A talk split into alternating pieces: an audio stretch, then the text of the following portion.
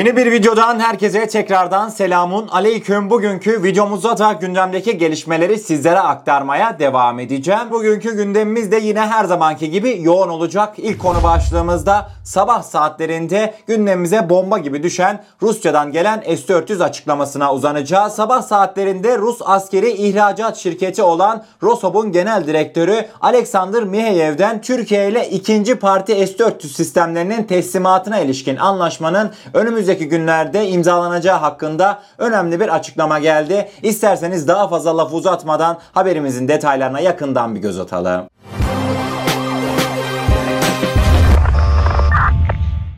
Rus askeri ihracat şirketi Rosob'un genel direktörü Alexander Miheyev Türkiye'ye yeni bir S-400 sevkiyatını içeren anlaşmanın yakında imzalanacağını söyledi. Miheyev Türkiye'ye yapılması planlanan ikinci parti S-400 sevkiyatına ilişkin bir soru karşısında Türkiye ile S-400 hava savunma sistemine gelince görüşmeler devam ediyor. Görüşmelerin son aşamasında olduğumuzu söyleyebilirim. Yakında partnerlerimiz ile bunu resmileştirip anlaşmayı imzalayacağız diye önemli açıklamalarını sonlandırdı. Kısacası değerli dostlar ikinci parti S-400 sistemlerinin teslimatına ilişkin ikili görüşmeler bitmiş. Geriye sadece Rusya'nın dediğine göre resmileştirmek kalmış işin boyutunu. Gerçekten de aslında beklenen bir hamleydi. Sizlere haftalardır ikinci parti S-400'lere ilişkin haberleri, teslimat haberlerini aktarmaktaydım. Güzel bir gelişme. Ülkemizin hava savunma sistemindeki eksikliği giderilmekle beraber aynı zamanda daha kuvvetli bir hava savunma sisteminin oluşturulması için de ülkemiz gerçekten elinden geleni yapıyor ve ikinci parti S-400 sistemlerimiz o zaman ne diyelim ülkemize milletimize hayırlı olsun. Önemli bir gelişmeyi de ilk olarak sizlerle paylaşmak istedim. S-400 sevkiyatına ilişkin önemli haberi sizlere aktardıktan sonra değerli dostlar ikinci konu başlığımıza geldiğimizde hep birlikte bir İngiltere'ye uzanacağız. İngiltere Savunma Bakanı Valence'ın açıklamalarına gideceğiz. Dün gerçekten de özellikle de Türkiye'de gündem oldukça yoğundu. Gündemin en öne çıkan detaylarından bir tanesi de İngiltere Savunma Bakanı Ben Wallace'ın Afganistanlı mülteciler hakkında yapmış olduğu açıklaması olmuştu. İngiliz medyasının aktardığı haberlere göre altını çiziyorum. İngiliz medyasının aktarmış olduğu haberlerde İngiliz Savunma Bakanı Ben Wallace'ın Afganistanlı mültecileri Pakistan ve Türkiye gibi ülkelerde kamplar oluşturarak o ülkelerde yaşamlarına devam etmesini istiyoruz tarzında bir haber yayınladı İngiliz medyası. Fakat ilerleyen zamanlarda Türk yetkililer anında bu gelişmelere karşılık verdi ve İngiliz medyasının haberini yalanladı. İsterseniz dün neler yaşandı yakından bir göz atalım. Neler olmuş hep birlikte öğrenelim. Dün sabah saatlerinde ilk olarak İngiltere Savunma Bakanı Ben Wallace'ın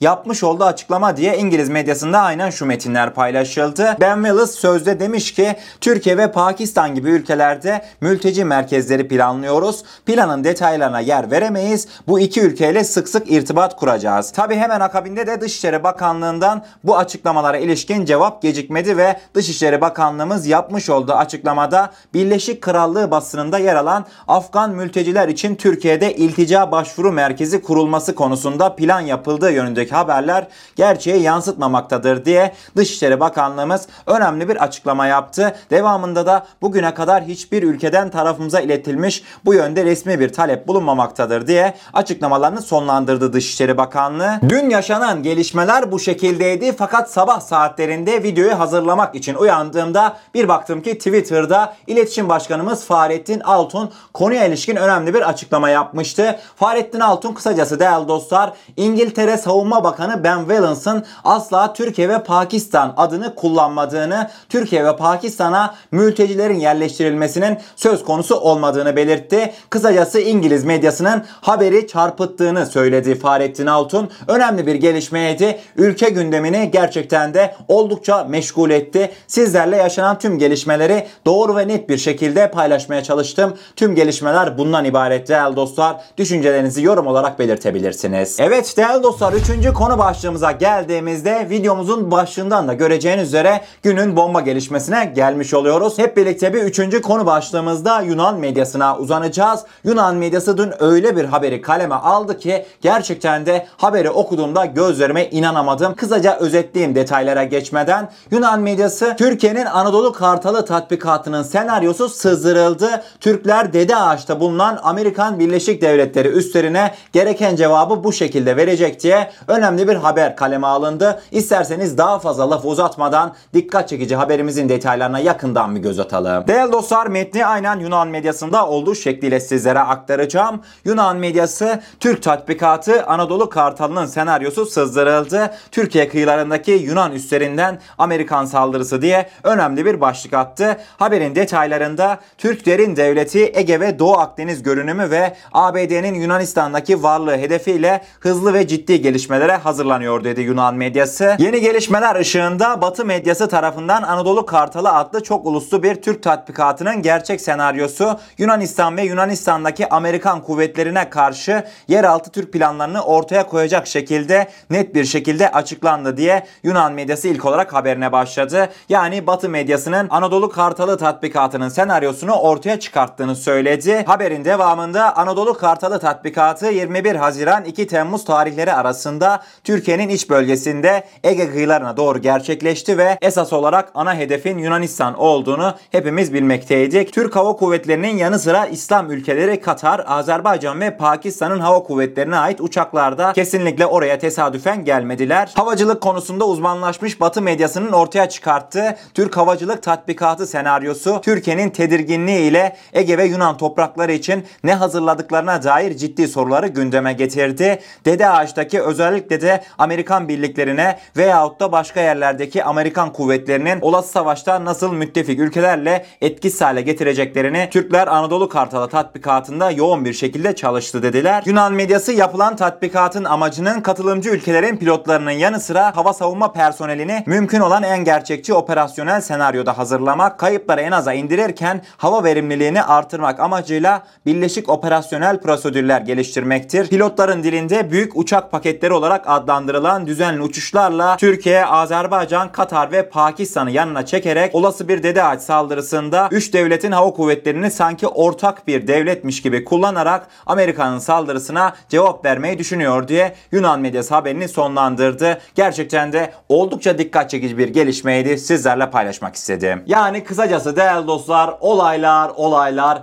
ne denilebilir ki şu haberin güzelliğine bakar mısınız? Tabii ki de değerli dostlar bu haberin doğruluğu yanlışlığı tartışılır. Sadece dış basından dikkatimi çeken bir gelişmeydi. Sizlerle paylaşmak istedim. İsterseniz bir sonraki konu başlığımıza geçelim. Dördüncü konu başlığımıza geldiğimizde hep birlikte bir Kırım'a uzanacağız. Kırım'da çok ama çok hareketli günler yaşanmakta. İlk olarak hep birlikte bir Ukrayna Cumhurbaşkanı Vladimir Zelenski'nin açıklamalarına uzanacağız. Ukrayna Cumhurbaşkanı Zelenski değerli dostlar deyim yerinde ise zaman ayarlı bir bombayı tüm dünyanın gözler önünde ortalığa koydu ve hemen oradan çekildi. Zelenski ne dedi peki? Zelenski önümüzdeki günlerde Kırım'da düzenlenmesi planlanan Kırım platformuna katılmayan Avrupa Birliği ülkelerine değindi ve Zelenski aynen Avrupa Birliği'ndeki çoğu lider Rusya'dan korktukları için Ukrayna'daki Kırım platformuna katılmayı reddediyor diye önemli bir açıklama yaptı ve bunun sonrasında da aslında Zelenski'nin açıklamalarını doğrulan nitelikte Rusya'dan bu konuya ilişkin önemli bir çağrı geldi. Haberimizin detayları dördüncü konu başlığımıza karşımıza bir gelsin. Rusya Dışişleri Bakanlığı Sözcüsü Maria Zaharova Rus haber sitesine yapmış olduğu açıklamalarında Ukrayna hükümeti tarafından Kiev'de düzenlenecek Kırım platformu forumuna katılan ülkelerin pozisyonlarını not aldıklarını ve bundan gereken çıkarımları yaptıklarını belirtti. Türkiye'nin de foruma katılacak ülkelerden birisi olduğu bilinmekte. Zaharova açıklamalarının